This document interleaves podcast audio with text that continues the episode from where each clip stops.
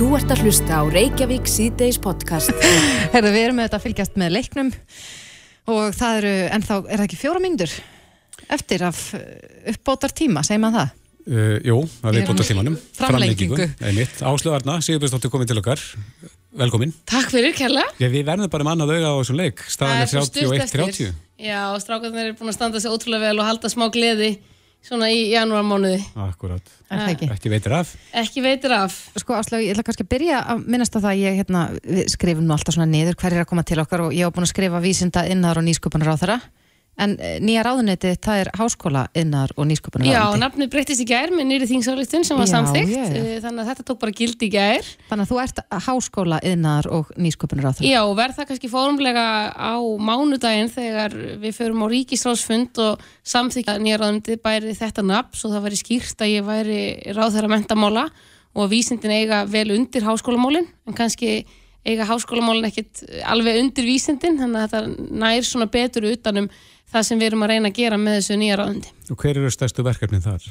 Þannig eru þetta verið að samina þessa stóru málaflokka sem hérna með þeim svona til að reyna að ná þeim auknum árangri í verðmættisköpun og grundvelli hugvits um, mörglundi kringum okkur hafa farið þessa leið og við erum að gera þetta til þess að reyna að vera í forskoti og fremst þjóða í nýsköpun, í hugverka yðnaðunum uh, að svona minka kannski sílóin og, og veggina sem hafa við á milli mentakerfisins og nýsköpunarkerfisins og við erum bara að sjá hvað mikið að gera svo í Íslandi. Gróska er eitt dæmi þar sem þú kemst bara í svona yðandi þekking að gera hvað sem það er.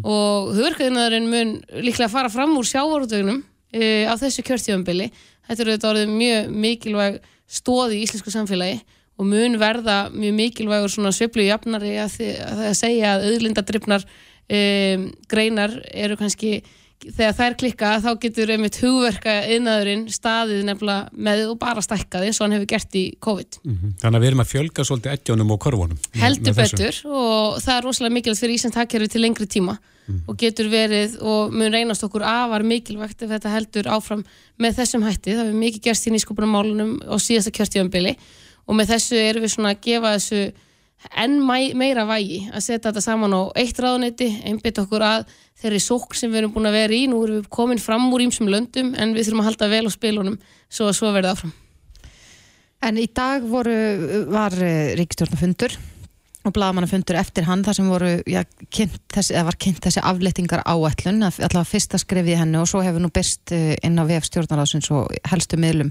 þessi áætlun sem að sóttvartanleiknir leggur til. Þú skrifaðir grein sem að byrtist í, í morgumblaðin í gær þar sem að, já, þú segir meðal annars að forsendur fyrir þeim takmarkunum sem nú er í gildur brostnar og það verður að vera hægt að aflétta íþingjandi takmarkunum jafn hratt og þær eru settar á. Erum við að gera þetta eins hratt og, og þú myndir óska? Sko, það eru tvær vikur síðan að við sátum á fundi þar sem var val um það að fara í útgöngubann hér á Íslandi eða setja á tíu manna takmarkanir eh, vegna stöðu sem reyndi síðan ekki jæfn slæm og hún var eh, spálíkanið sem var fyrir þeirri ákvörðun reyndist úrelt bara örfáum dögum setna af því að bæði e, vegna Omikron eru munfæri sem leggjast inn á gjörgæslu, þú ert mun stittra inn á spítala ef þú leggst inn líka og við erum að sjá bara ótrúlega mörgi ákvæða teiknalofti. Um, mér fannst það gengið og langt um, og fórsendur brostnar fyrir svona þröngum takmörkunum og ég er rosalega glöð að þrátt fyrir það að það hafi verið settar svona harða takmarkanir á um, að þrátt fyrir það hafði þær ekki áætluð áhrif á smittölur Uh, þær hafa bara haldið áfram að vaksa við erum að sjá með dag í fyrra dag ef mér misminir ekki. Og að því leiti uh, held ég að við séum að sjá það bara núna mjög hratt að við höfum ekki heimildir fyrir miklum takmörkunum á Íslands samfélag og bind mikla vonum við það að full aflýtting verði fyrr en uh, tilhjóður sáttanlæknis uh, gera ráð fyrir. En það eru þær bara settar fram sem tillögur en ekki á grundvelli einhver sem muni gerast. En það er greinlegt í eining um þetta í ríkistjórninni ef að þið, ráðherrarna, þú og Bjarni hefur nú reynd að tala um þetta líka. Við vorum, Yk- ykkar- við vorum ykkar- ána með uh, að skref væri tekið til aflýtingar og það strax á morgun en ekki beðið fram yfir helgi og það væri rimkaðan frekar fyrir veitingastöðum uh, í tíma. En við erum að spyrja þessara spurninga og safna saman gögnum en spítalinn er ennþá að neyðast í. Og maður skilur það að þá uh, sé ennþá farið varlega en ég bind mikla vonið við það að þegar spítalinn er farin af neyðast í og ræður betur við ástandið og hvar sem við lítum í heiminum uh, á þróun bylgina, það er mikið að smittum, öll löndir er eiga toppdaga í smittum um, að gjörgjæsli innlagnir fara samt fækandi alls þar í heiminum. En spítalinn er að neyðast í núna skilsmér vegna fjárveru stafsmanna. Já, og einangrunin... Nú eru stafsmenn að veitjast í auknumæri líka. Já, þeir eru að smittast og hér er sjö daga einangrun, uh, lengur heldur en löndinni kringum okkur og ég held að það sé mikilvægt að endur skoða það sama skapi að því að Uh, það hefur auðvitað mikil áhrif mm -hmm. en það er auðvitað ekki hægt að segja það að takmarkanir um, að, að þó að takmarkanir hafi áhrif á atvinnustar sem eða annað að við getum ekki réttlega takmarkanir út af því við, endur, við getum bara réttlega takmarkanir ef það er brínauðsinn vegna líf og heilsu fólks mm -hmm. en ekki út af neinu öðru og það sem ég hef alltaf spurt í þessum faraldri er einfallega það að ef þessi veira kæmi á Íslands samfélag, bólusett samfélag í dag um, hefðum við heimildir til að grýpa til svona róttækra aðgerða og af hverju eru við að grýpa til sambærilegra ráðstafana og á óbólusett samfélag mm -hmm. Þú ert lagfræði mentuð, telur þú að, að, að við gætum átt vona á einhverju málaferlum eftir uh, að ríki gæti verið bótaskilt að einhverju leiti út af þeim ráðstöðunum sem hafa verið að undanförnu? Ég hef svarað þeirri spurningu að í upphafi uh, faraldursins var vissu við lítið. Það var eðlilegt að grýpa til ráðstafana. Uh, við vorum að bregðast við um, óþektum sjúkdómi um, sem talið var mjög hættulegur. Um, en ég hef líka svarað þeirri spurningu að þegar bóluefni komið, þegar veikara afbreyði komið, þegar nýjustu gögg liggja fyrir, að þá er erfitt að uh, raukstiða takkmarkanir lengur. Þannig að það getur auðvitað velgerst það er auðvitað líka alltaf erfitt að meta það hversu skamt hefði dugað að ganga. Og það er kannski vandin af því að við grípum til mjög harda aðgerða en þau hafa kannski ekki afleggingarnar sem, við, e, sem stemt var að. E, hefði dugað að ganga skemur það er mjög erfitt að meta það.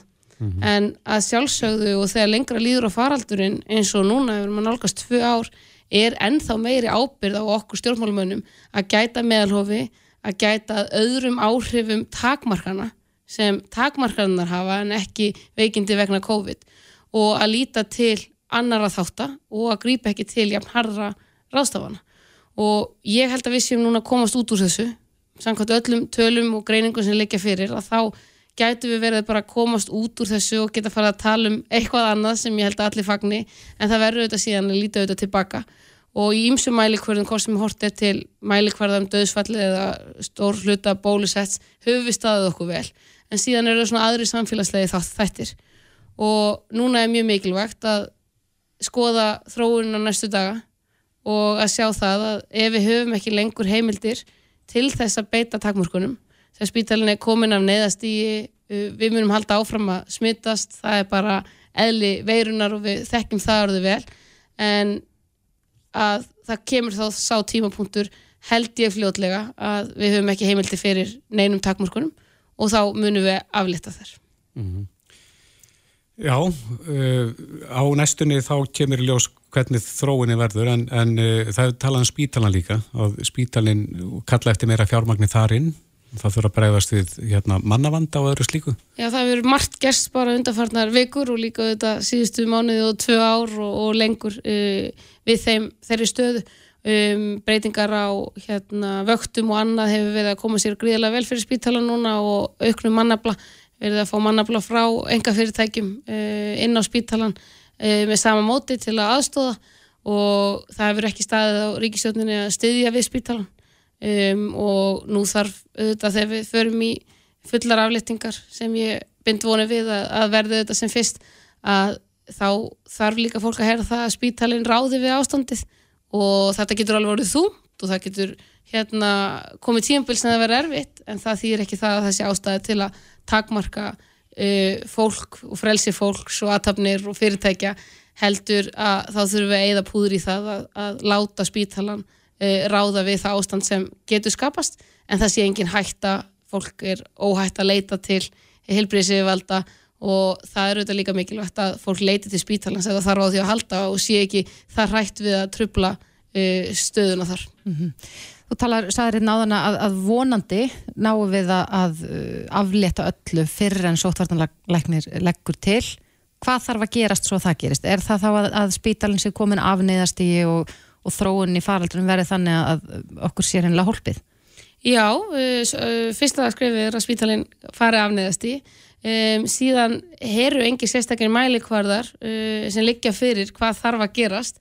Um, en ég held að það þurfa alltaf bara að spurja sig að því höfum við heimildir uh, til þess að ganga svona langt? Og ef staðan er þannig að innlegnatíðinin er bara 0,2% vegna ómikrónabræðisins, görgæsli innlegnir eru afar, afar fátíðar að þá eru þetta engin ástæði til að takmarka uh, líf fólks hér heima. Mm -hmm. Það eru einhverjir ennþá sem eru hrettir við veiruna um, en samkvæmt öllum tölum sem við höfum að þá er ekki orðin mikil ástæði til þess. Það var komið upp smitt á öldrunadeildum uh, inn á hérna, uh, hjá fólki sem er með undirleikjandi sjúkdóma og það er að komast miklu, miklu betur í gegnum COVID-smitt heldur en áður.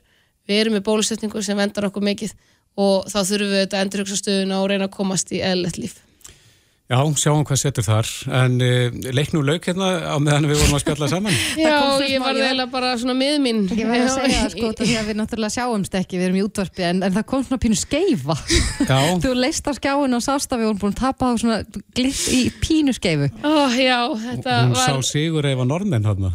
Já, ég sá allt ínni normenn fagna, um, þetta er mjög leðilegt að sjá, en þeir eru búin að standa sig ótrúlega vel Já. og ég held að við hefum einstætt og og það var auðvitað margir séð það að COVID hefur ekki haft mikil áhrif á leikmennin okkar, hrausta menn Einmitt. sem hafa kvartað yfir langri einangrun hann úti um, og ég held að það sé nú bara svona uh, eitt merki þess að við séum að komast út af þessu og, og þurfum að fara að lifa eðlera lífi. Mm En leikunni sem sagt 34-33 og normenn rétt náða að kreista fram þarna einsmarksigur. Ég ætla að vona að, að Íslandikar bregðist, uh, ég verð ekki alveg jafn vondi við normin eins og við vorum við Dan hérna í gæra fyrir dag. Þetta, þetta hefði getað að fara hvernig sem er eins og Kaupið saði hérna á hann. Bæði þreytt liðin en, en þetta fór svona í þetta skipti. En Áslöfarna Sigurbjörnsdóttir rátt að kæra þakki fyrir komuna. Takk fyrir spjallið.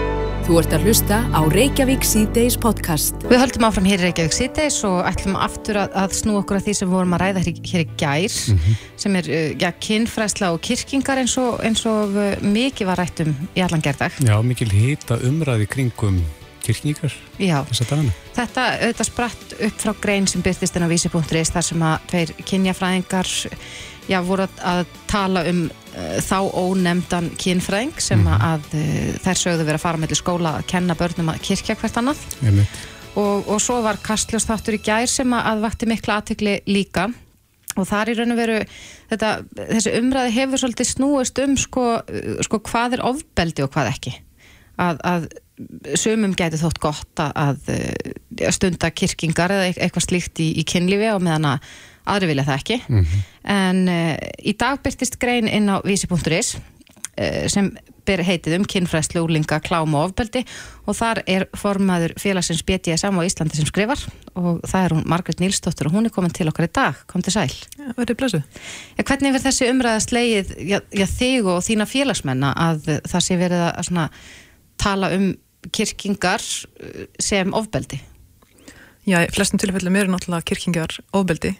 Það er, það er svona grunnlínan en það er ekki hægt að taka bara það sem gert er, fólk getur gert alls konar hluti í alls konar samhengi og það sem skiptir mestu máli í þessu er, er þá, þú veist, er, er fólk að gera þetta til þess að fá því gagkvæmna nöyt eða, eða ekki. Finnst ykkur svona þessi umræða óvægin eins og til dæmis í ykkar garð sem að, að eru stundir BDSM? Já, ég held að fólk meini það ekki þannig. Ég held að fólk sé ekki eitthvað viljandi að taka okkar hvernig fyrir.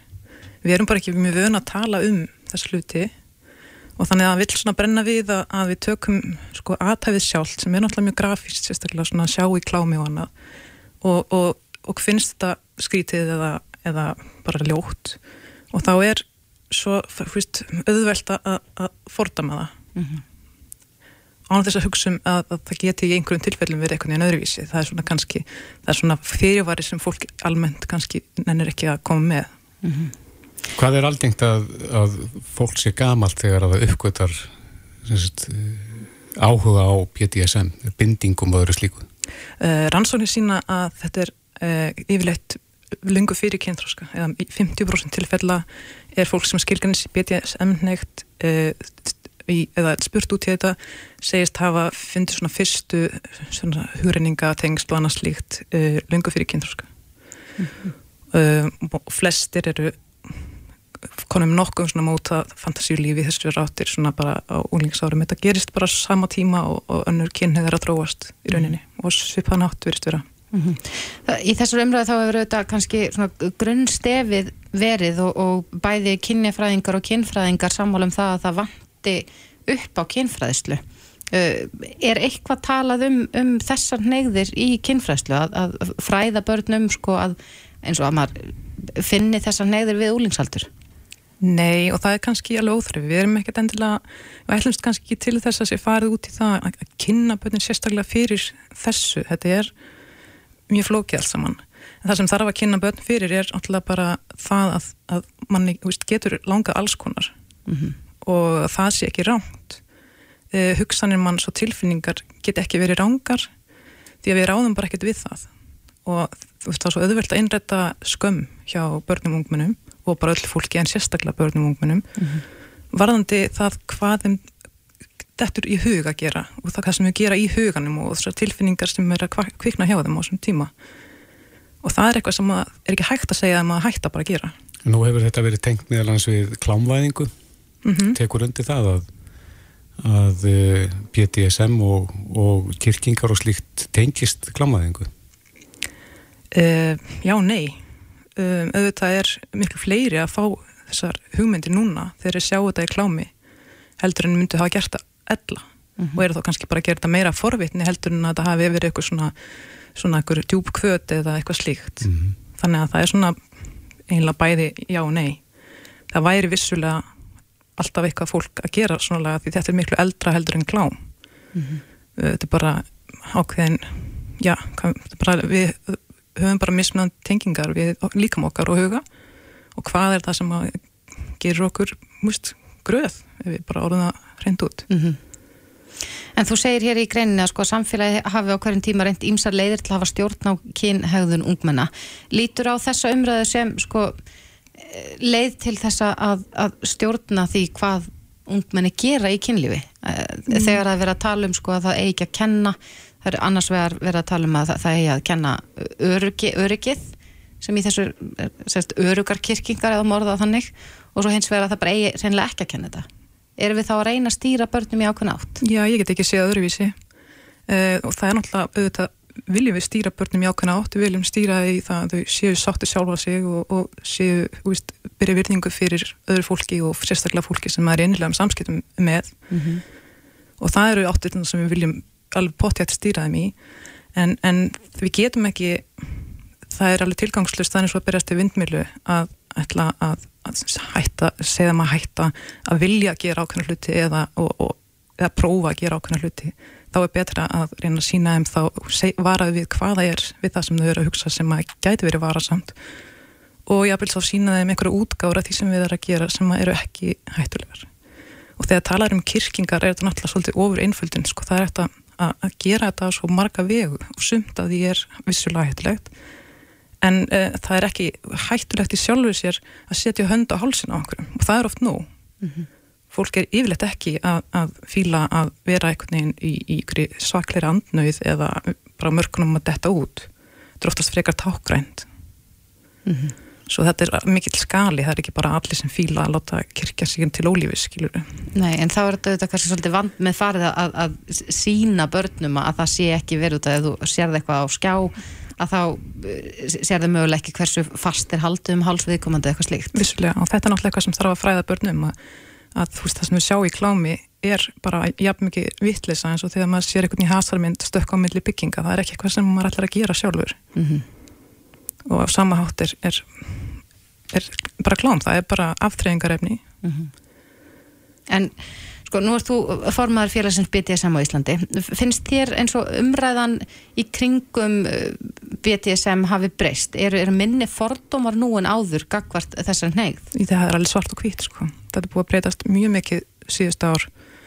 Uh, og bara í- búið að taka mjög stór skrif í átt að svona meiri þekkingu, fólk veit meira hvað er verið að tala um, það gerir sér betur grein fyrir að það er ekki verið að, að, að það er ekki þessi dökka mynd kannski sem var uppálega kannski af BDSM sem þetta var mjög svona, hvað maður að segja bara harkalegt.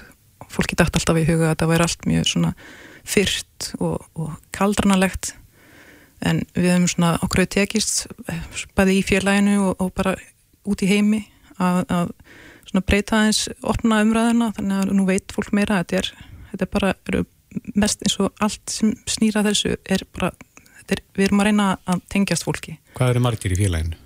í félaginu sjálfu, við erum ekki sérstaklega mörg, uh, ég held við séum kannski svona 60 kannski sem hafa skráð sig frá upphafi.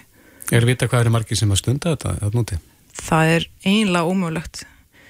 Eh, þetta er verið daldir rannsakað síðustu ár Mm og það er svo misnand hvernig er spurt hva, hversu margir veist, eða þú har spurt út í eitthvað ákveðinu aðtafnir svo hefur við bundið bólfélagaðinn eh, eitthvað svona þá er þetta bara mjög stór prósent alveg upp í 60% ef spurt er eftir BDSM negður er þetta kannski kannski með 1% eitthvað svolítið Akkurat. Þannig það er svona styggsmunur á hvernig fólk kannski bara skilgrinni sig. Já, þetta er svona, úst, það er náttúrulega líka að breytast, þetta er svo ný, til að nýlegt hugtak að tala um þetta sem negð þannig að það náttúrulega er kannski ekki alveg marktækt að, að spyrja beint út um það, en það er svona skilgrinnur þig sem að, veist, að þú sért BDSM yfkandi eða eitthvað slíkt, þá eru kannski við mjög svona í kringum 2% kannski.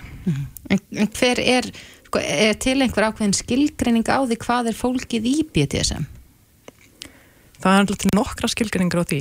Uh, í rauninni er kannski svo sem að næru tala um þetta allt saman, er allt sem fer út fyrir þetta annan ramma sem við teljum vera sko, það sem allir gera og er eðlilegt það sem við svona lítum á sem bara venjulegt kynlíf. Við sjáum það fyrir okkur sem konar svona ramma og þá er í rauninni BDSM allt sem fer út fyrir þann ramma og við erum bara að gera eitthvað sem er ekki gert venjulega. Það er svona þetta að kalla king, það er eitthvað svona sem er, fyr, er bygglað, uh, það fer út fyrir og en til þess að, þú veist, það alltaf var bara allt, það er mjög breytt. Og, en til þess að vera BDSM þá þarf það að vera gert náttúrulega, þú veist, eins örugt og hægtir og það þarf að vera gert með samþykja allra. Og það þarf að vera gert með, þú veist, svona fullu svona með meðvitund, það má ekki það er, við viljum ekki, þú veist, þetta er mikið hamra á þessu að fólk sé ekki að, að gera bara eitthvað eitthvað þetta getur margt að þessu verið varasamt. Fyrir hvað stendur BTSM? Skamstöðunin sjálf? Já. Sko, þetta er samsett skamstöðun, sko, B og D er bondage and discipline. D og S í miðunni er uh, dominance mission og S og M er sadism hérna, og masochism. Mm Þannig að þetta er í rauninni nokkrar skamstöðanir sem er núða þarna saman í eina. -hmm. Þannig að þetta er í rauninni fyrir fjötraleikir, sadomasochismi uh, og svona skinjunarleikir.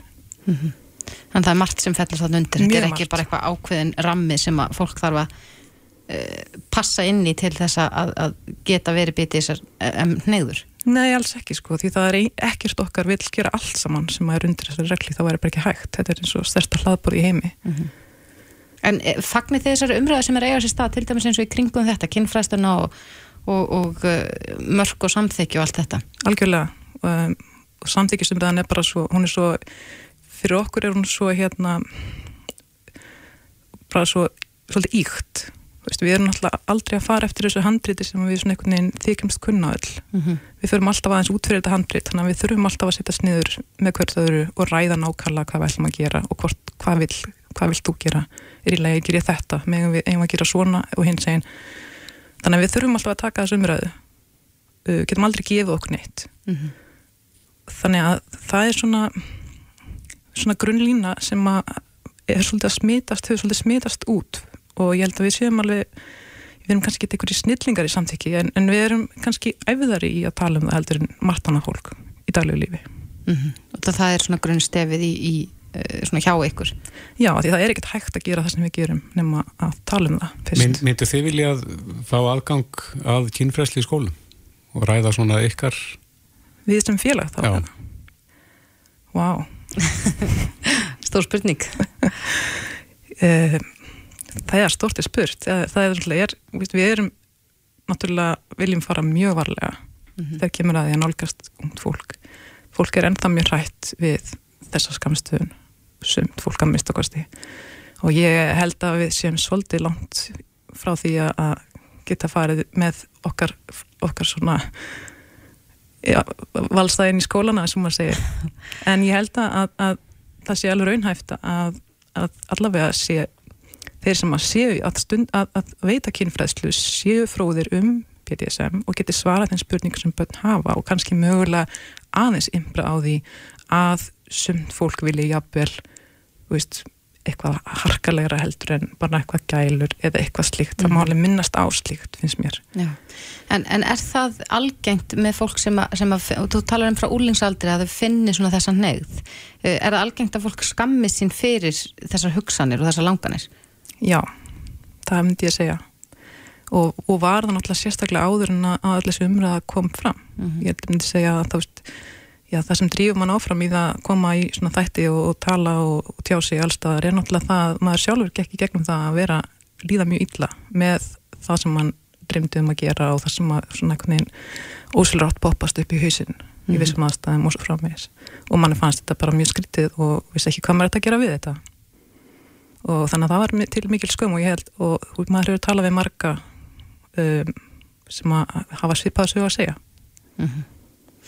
Já, þetta er áhugavert en, en uh, þið fagnir þessar umræði. Algjörlega og það verður að tala um, við verðum að tala um klám og við verðum að tala um ofbeldi og við verðum að tala um mörg og samþykki og þetta er eitthvað sem verður að fara í gegnum, bara, byrja bara í leikskóla.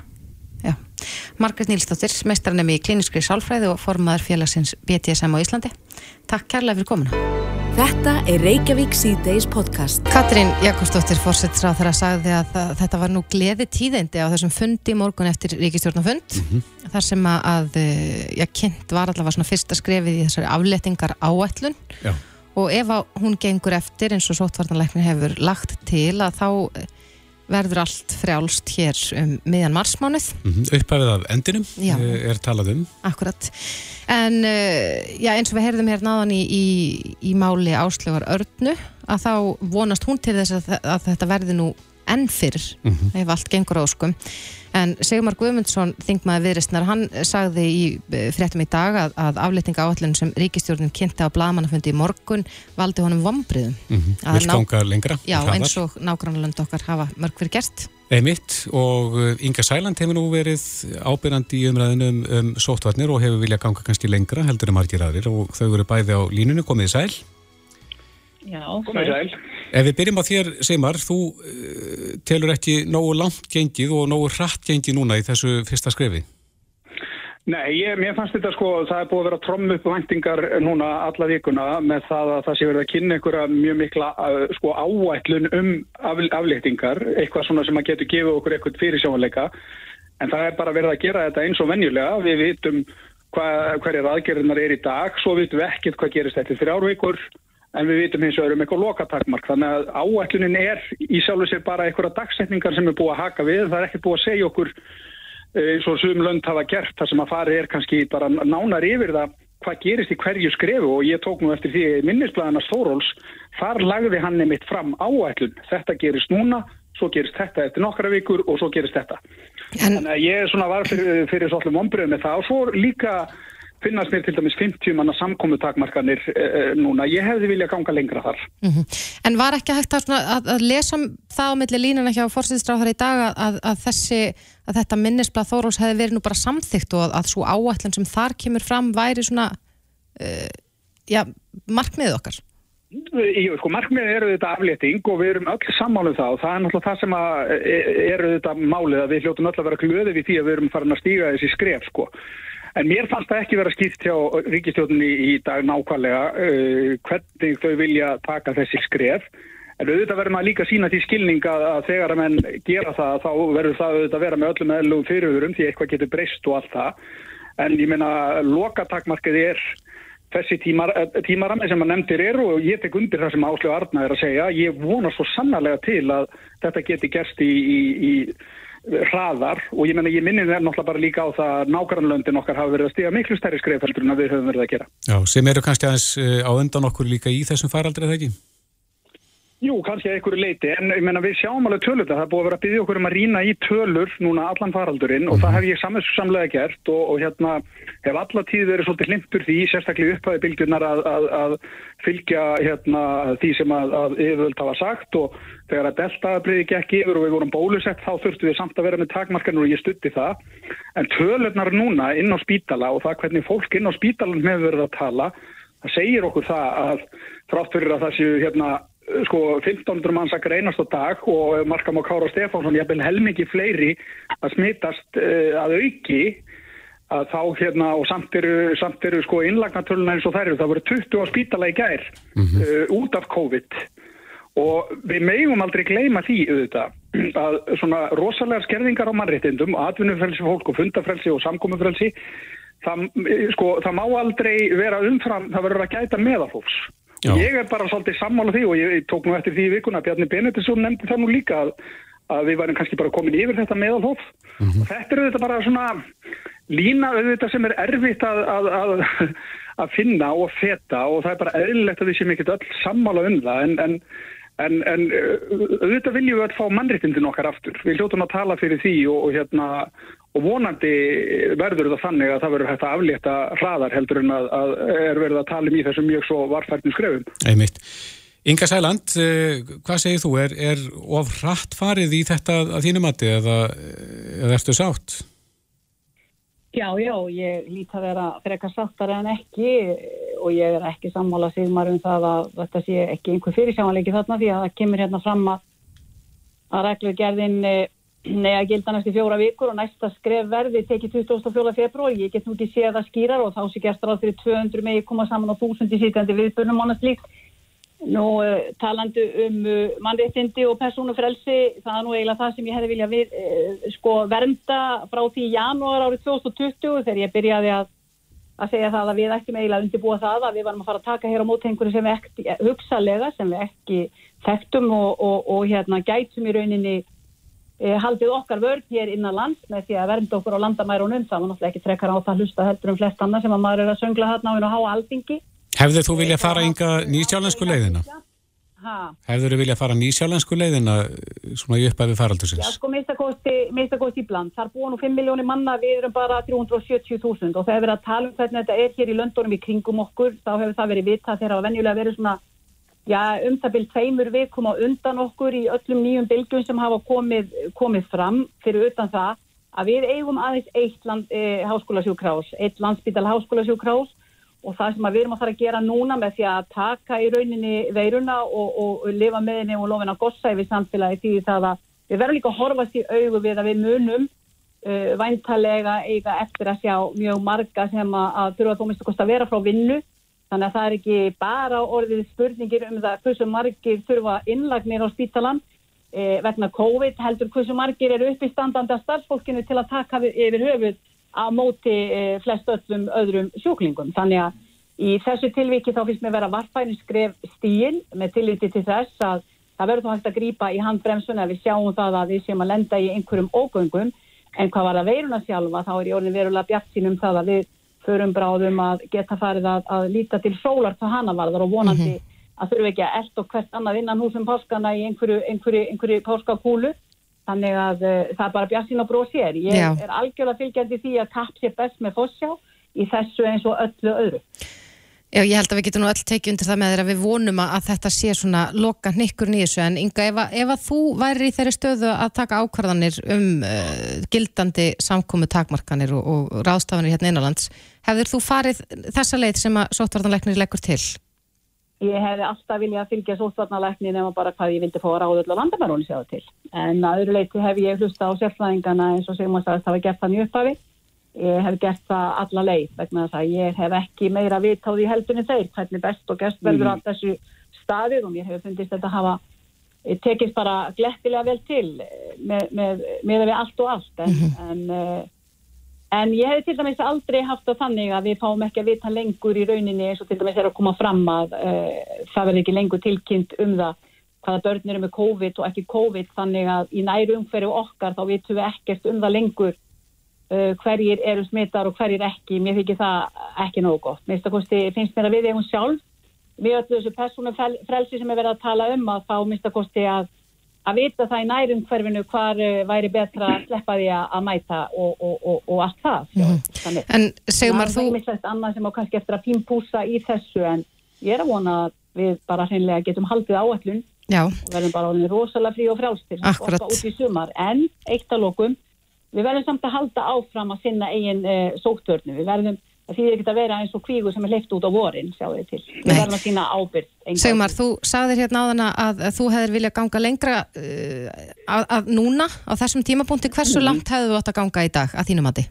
Ég hefði viljað sjá til dæmis bara sam, svona, þessar uh, samkomu takmarkanir miðast við kannski 100-200 manns í, í þessu uh, í þessari atrinu og við verðum auðvitað átt okkur að það eðlilegt ástand er að það sé enginn tala sko það eru auðvitað það, en ég tekur auðvitað undir það sem að yngar að segja. Þessu, þessu frelsi sem maður er að tala fyrir og sem við höfum auðvitað öll að vera að tala fyrir núna þegar þetta nýja afbreyður sem er miklu vægara, það er auðvitað fylgir því að við þurfum að sinna okkar hérna, vörnum og fara gætilega og allt það, en varðandi það að hlusta alltaf á sérfræðingana, þá vil ég nú benda á það að þeir eru ekkert allir sammála í dag.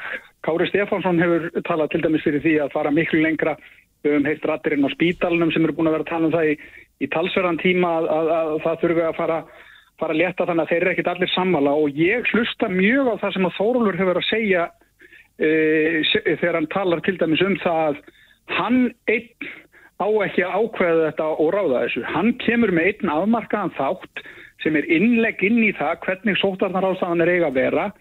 Svo koma aðrir með þætti eins og áhrifa og gefheilsu, áhrifa og hérna, ungmenni út af skorti og félagslífi áhrif á hérna námsfólk út af, af uh, tröflunum á skólahaldi og þarfæmi til göttum sko. Þannig að hérna, við verum alveg að hafa það í samhengi að þórólur hefur auðvitað alltaf talað þannig að, að hérna, það þurfi fleiri að koma með uh, bita inn í púslið. Já, en við skulum vona að þetta þróist allt saman í, í rétta átt núna þegar það verður aflétt. Sigmar Guðmundsson, þingmaður Viðreisnar og Inga Sæland, formaður flokks, flokksins og þingkona, kæra þætti fyrir þetta. Takk, erum við. Þetta er Reykjavík C-Days podcast. Öryggi fangavarða er svo litið umræðinu núna eftir að ráðist var á fangaverði og uh, þeim mistind. Mm -hmm. Í frettin á vísi.ri segir að ófremdar ástand uh, ríki í fangelsum landsins og að fangaverðir óttist um lífsett og limi. Mm -hmm. En fangavarðafélag Íslands hefur sendt áskorun til þeirra sem að annast málaflokkin þar sem bent er á hversu uh, slemt ástandið er og uh, þeir sem að fengu þessa áskorun voru innanriksráþara, heilbriðisráþara og uh, já, formaður Samegis mm -hmm. og svo mhm. líka Pál Vingel, forstjóri Fangilismálastofnunar Íslands. Sem er á línni, sæl Pál. Já, sælveri. Ég verður ekki fangavarða, þetta er náttúrulega ekkert nýtt svona fyrir þér, en uh, þannig er neyðarkall frá þínu fólki. Já, já, ég er, er sammálaðið um það að staðan er slæm og ég er sammálað þessari álegtun E, staðan er einfallega þannig að um ansi langt skeið höfum við verið að vista einstaklingi fangilsum sem eru mjög andlega veikir e, sem eiga heima annar staðar enn í fangilsi og þeir einstaklingar e, og það er nú kannski rétt að taka það fram að andlega veikindi og, og, og, og afbrót er ju að það er engin tenging ára milli. En þegar þú veist andlega veikur glýmur fíkt sjúkdóm og átt ofbeldisfulla sögu að þá þarf að bregast við. Hver, hver á að... Þetta er einstaklinga á sjúkrahúsi mm -hmm. þar sem að er fá þá heilbíðsjónustu sem að e, þarf að bjóða upp á. En af hverju eru þeir hjá ykkur? Já, það er einfallega vegna þess að sjúkrahúsin hafa verið undir miklu álægi eins og, eins og við, við þekkjum og, og, og hafa ekki vilja að taka þessa einstaklinga e, til meðferðar. Þetta er ekki nýsaga, Pál? Nei, þetta er áratuga saga og saga sem að Pindikvennend Európaráðsins, umbórsmaður alþingis og margir aðri hafa gert aðtöðsandi við í gegnum tíðina. Þetta er kannski óvunni slengt núna vegna þess að við erum með nokkuð stóran hóp einstaklinga hjá okkur sem eru mikið veikir. Þannig að ég skil mjög e, mína félaga í, í, í fangaværafélaginu og, og hérna og deili þessum áhyggjum en það má þó taka það fram að það er í gangi mjög gott samtal við heilbriðis ráðuneyti og önnur ráðuneyti sem koma þessum málaflokki um að gera bagarbót á þessu og ég bind bara vonið við það að það skilja árangri bara næstu vikum. Mm -hmm. Þú talar um að þessi óvenni stór hópur, já þeirra sem eru veikir hjá okkur núna er eitthvað sem að veldur því að, að, að þessi hópur er starri? Það er nú erfitt að segja það en, en, en sko það er þróun á, á fullnustu refsinga að vera á þá leiða stærri hluti refsinga fullnustaður utan fangelsa sem er bara í samræmi við eðlilega þróun annars það er í heiminum en það þýðir líka að það eru þingri og erfiðar einstaklingar sem sitja eftir inn í lokuðu fangelsunum. Fangahóprun hefur þingst, hann er erfiðar náður, meira krefjandi og þá reynir meira á, á, á mína góðu samstagsfélagi í fangelsunum. En er ástæðin fyrir því að málinn er í þessum hnút að þetta fellur hérna milli tveggja ráðunetta eins og segir annars vegar dónsmála og hins vegar helbriðis? Sko ég myndi segja að dónsmálráðandi væri búið ekki fyrir löngu síðan, búið að gera allt en það getur með því að byggja nýjar byggingar, e, beita sig fyrir því að, að þessi málaflokkur komist á, á dagskrá. Það stendur út af að helbriðisráðaneti e, beiti sig fyrir því að, að spítalinn, landspítalinn taki við þeim einstaklingu sem eru veikir. Og svo er það nú ekki annað hitt sem skiptir miklu máli, það er eitthvað taki við einstaklingum sem ljúka allan og þar, þar spila félagsmárrandi og, og, og, og sveitafélögum tölverðar öll og það þurfum við til þess að rjúa vítarengin, það er kannski búið að koma mönnum á beinubröðinu í fangilsi og í afplánun en svo tekur ekkit við þegar afplán líkur. Þetta er eitthvað sem þarf að skoða, er verið að skoða? Og ég er mjög bjart því ekki bara vegna þess að COVID er að klára þetta er líka vegna þess að ég finn aukin áhuga hjá áðunetum og sveitasjölu og mér gerir bísu. Mm -hmm. Og afstæða félag fanga hefur beitt sér mjög vel fyrir þessu og ég er bara bind vonið við að gert að tíma fram þetta. Já, Trúnar maður fangavarða eh, tjáur sig hér í, í frettin og vísi og segir að, eh, já, að það séu líka allt og fáir fangaverðir á vöktum og, og þannig eh, sé öryggi starfsmanna og fangelsana stemt í hættu og nefnir á Holmsheiði séu þrýr starfsmanna nætuvakt með alltaf 50 fanga. Hvernig væri þetta í draumaheimi? Hversu margir starfsmenn væru á slíkri vakt? Við værum með mun fleiri fangaverða vakt ef við hefum óheft aðgengi að fjármagni en við erum bara eins og aðra ríkistofnarnir bundnar af, af, af fjárveitingum og fjárveitingarnar eru svona. Við myndum fjölga fangaverðum ef við hefum meira fjármagni en við getum það ekki frekar en uh, lögislega með aðrir sem, sem, sem eru bundnir af, af fjárlögum. En hvað þurfa að vera margjör vakt til þess að öllum stílirna séu fullnægt? Það fer nú eftir sko að fanga hópnum stöðun í fangilsinu en ég myndi kjósa að hafa fjóra fangaverði á metru upp á hólsið ef þú spyrir út í það uh -huh. uh, og síðan, hérna, síðan er þetta sveinjarlegt að öðru leiti. Akkurat. Það segir hér að, að fangaverðar í Íslandi eru alls um 120. Er, er einhver svona ákveðin tala sem að, að þið sjá fyrir ykkur að væri ja, nægilegur fjöldi fangaverða til þess að öryggi væri tryggt með betra hætti? Sko það er svolítið erfitt að segja það nákvæmlega núna vegna þess að við erum í nýjum vaktkerfisbreytingu sem komum bara 1, 2 og 3 hérna yfir, yfir okkur þar sem að sjölga verulega uh, starfsmönnum. Uh, þegar við erum komið með hendanlegt vaktkerfi klárt þá er kannski betur eftir áhalda en, en við myndum vilja hafa fleiri fangaverði á vöktum á ákveðum tímum. Mm. Stundum er velmanna á öðrum tímum er ekki eins og velmanna. En þú ert bjart sýtna á að það fara að rofa til í þessum málum. Uh, hvað verður gert þanga til til þess að tryggja öryggi fangavarða? Jú, það sem við gerum er jú að við viðlum áfram til heilbreyðisi og að, að, að veita þá þjónustu sem er nöðsynlega og lögbundin fyrir, fyrir þann hópfanga sem er veikur og síðan eh, eh, höfum við kallað út á aukavættir eins og við getum en það er líka takmörk fyrir því hvað er að bjóða starfsfólki upp á að, að vinna mikla aukavinu og hefur ekki frí, frí eins og, eins og það eru borgar á landsins. En, en staðan hefur óvinni erfið núna þannig að COVID hefur í gangi vegna þess að við hefum líka sagt fólki að mæta ekki til vinnu síðan með minnstur enkenni til þess að reyna að koma veg fyrir dreifingu þessari veiru en, en vonandi er það að klára svona. Já, rétt eins og lókin, hvað eru margir fanga núna í fangilsum landsins sem ættu heima inn á spítala frekar? Ég myndi segja að þetta væru almennt, eða í dag myndi ég segja að þetta væru fjóri til fimm og þetta er svona bílinu 0 og upp í 8 held ég. Og þetta er ekki stór hópur fólks, þetta er bara einfallega saman menninni sem koma, fara í fangilsi klára sína aflórun á fullu fara svo út í ekki neitt, brjóta af sér og koma aftur. Og þannig er þessi vítaringur ekki rófin, það verður að breyðast við því. Mm -hmm.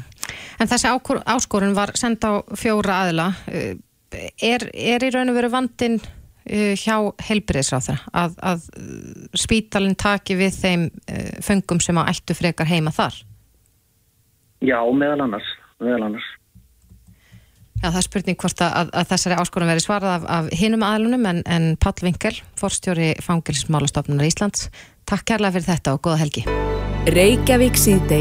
Á Bilginni podcast. Var ekki beint alveg uppið það að það geti orðið orku skortur hér á Íslandi? Við einhvern veginn erum alveg uppið það að hér sé nóga rafmagni. Mm En Landsnet varaði við því í nýri greiningu sem kom út í gær að raforkuskortur er þið viðvarandi vandamál á Íslandi næstu árun ef ekki er þið bröðust skjótt við og forstjóri Landsnet, hans Guðmundur Ingi Ásmundsson uh, var að hvetja landsmenn til að spara rafmagn.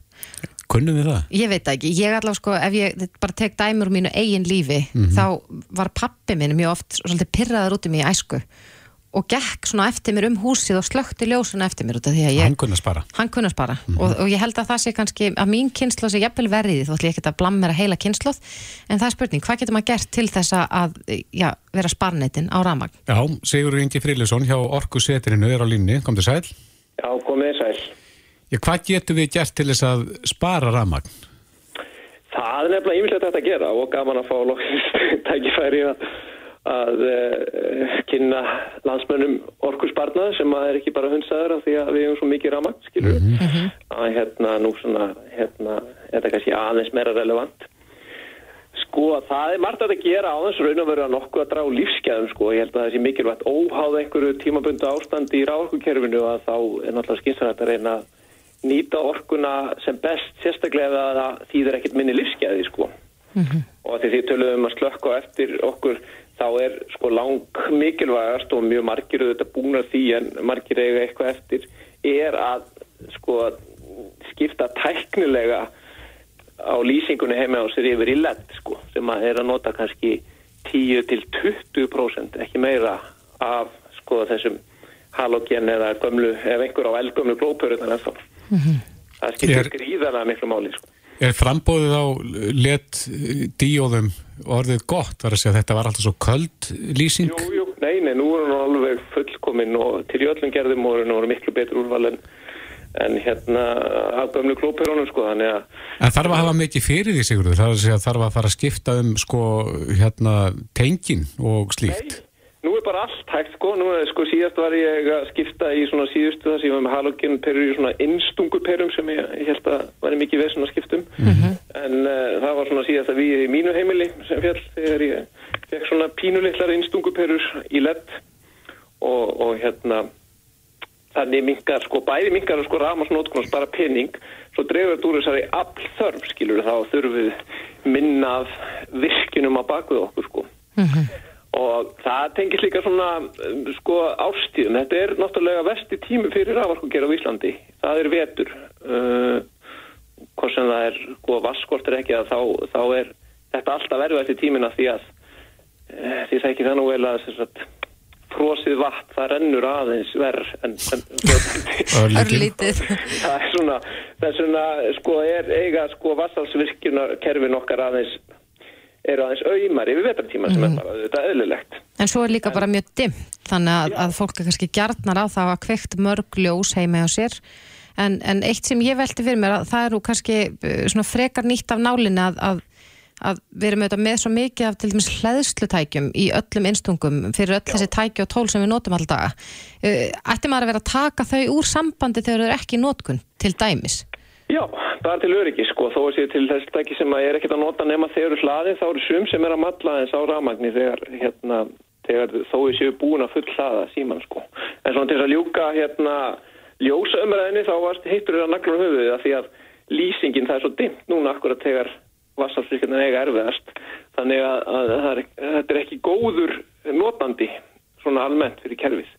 Og ég kannski byrð bara landsmenn núna kannski hvort að eigum við ekki svona út af þessu svona tímabundna ástandi að, að, að hérna að loka bara jólunum það er nú komin, hvað, 29. janúar og allt til að taka niður jóluljósin svona bara til þess að margir sem að vilja hafa þessi kvítuljós uppi áfram svona til þess að hleypa smá byrtu inn í, í dimma daga Þetta heiti vetralýsing eftir jólun. Jú, það er maður heyrt það sko, já. Og hérna, en hérna, það er spurninguna hvort að við leiðum okkur aðeins að draga úr því fyrir, fyrir ákveðkerfið. Er- En er- svo er ég mislegt hægt sko, það er líka náttúrulega bara þessi tæki sko, að Mhm. endur nýjum tæki er mjög mikilvæg að, að hérna, að kannski, þú veist, áratuga gamlir þó að það sé mikil dygða að hérna halda gömlum, eldgömlum tækjum við, þá getur orkunótkurinn verið svo gríðarlega eh, mikið meiri á svo gömlum tækjum. Er það að tala um þvottavélar og þurkar og slíkt? Já, bara raun og allt sko og, hérna að, að það, er- enda finnum við þá, við höfum fundið að sko raforkun, meðal raforkun heimila hefur sko mingað þrátt fyrir fjölgun tækja og þetta er raun og allt bara já. jákvæða tæknibrætingar sko. En er, hefur verið slegið á það hvað við erum að eigða miklu rafmagni á jólunum með jólaljósunum? Já, þau koma náttúrulega svolítið svona sterk aðalega, þú veist, sem eh, aukin aflþörf í skamma tíma. Þau eru svo óhagkvæma því að þá þurfum við að geta mætt þessu, mætt þessari lýsingu á vestatíma í mjög skamman tíma. Þannig að þetta er svona, þetta er lélegu notandi, þetta er lélegu viðskiptufinu, skulum við segja. Þó við séu aðeinslega falleg og, og, og lift okkur upp úr skamdeginu, þá er þetta svona eh, með slappari viðskiptavinnum raforku í jólaljós. Já. En svo getur við talað um rafbíla, sko, það er náttúrulega eitt sem að rafbíla hefur getið gert svona aðeins og það er að, að, að hlaða aðeins meira á nóttunni þegar svona er, að draga þá að vera ekki uppsöfnuð aflþörf á vestatíma. Já, ég veit að það er, Bæða, já, fyrir ekki, ég veit að það er til í, í Teslunni og ég veit ekki hvort það sé í öðrum rafbílum en þá er þetta að stilla það hvenar bílinn byrjar að hlaða. Þú getur sett hann í samband en, en hann byrjar ekki að hlaða inn á sig fyrir að ná okkur mákunum tíma.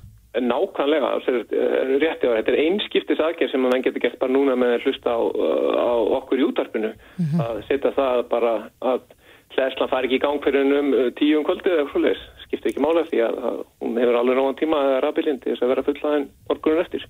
En dregur svo að þú svona uppsöfnuðu hérna afli, sko, þetta er það sem menn svona fatt ekki alltaf að þetta er afl og nótkun, sko, þó þú endanum setur jafn mikið ramagn á rafbílinn þá ertu að draga úr sagt, svona samanleðira aflþörf á vondum tíma sem þýðir þá að sko virkjanirna nýtast betur og, og verður betur nýtt í kerfinu. Þetta er mjög mikilvægt. En er eitthvað svona eh, inn á heimilum okkar sem eðir meira rafmagn en annað? Er einhver svona einn hlutur sem er orku frekastur? Um, sko er náttúrulega fyrir utan rafbílinn um, sko ramagspottar eru vestir það er stæ, þeir sem eru með það. Það, er, það vita ekki allir að þetta er rosalega orkusúar þetta eðir sko uh, meiru en rafbíl Já.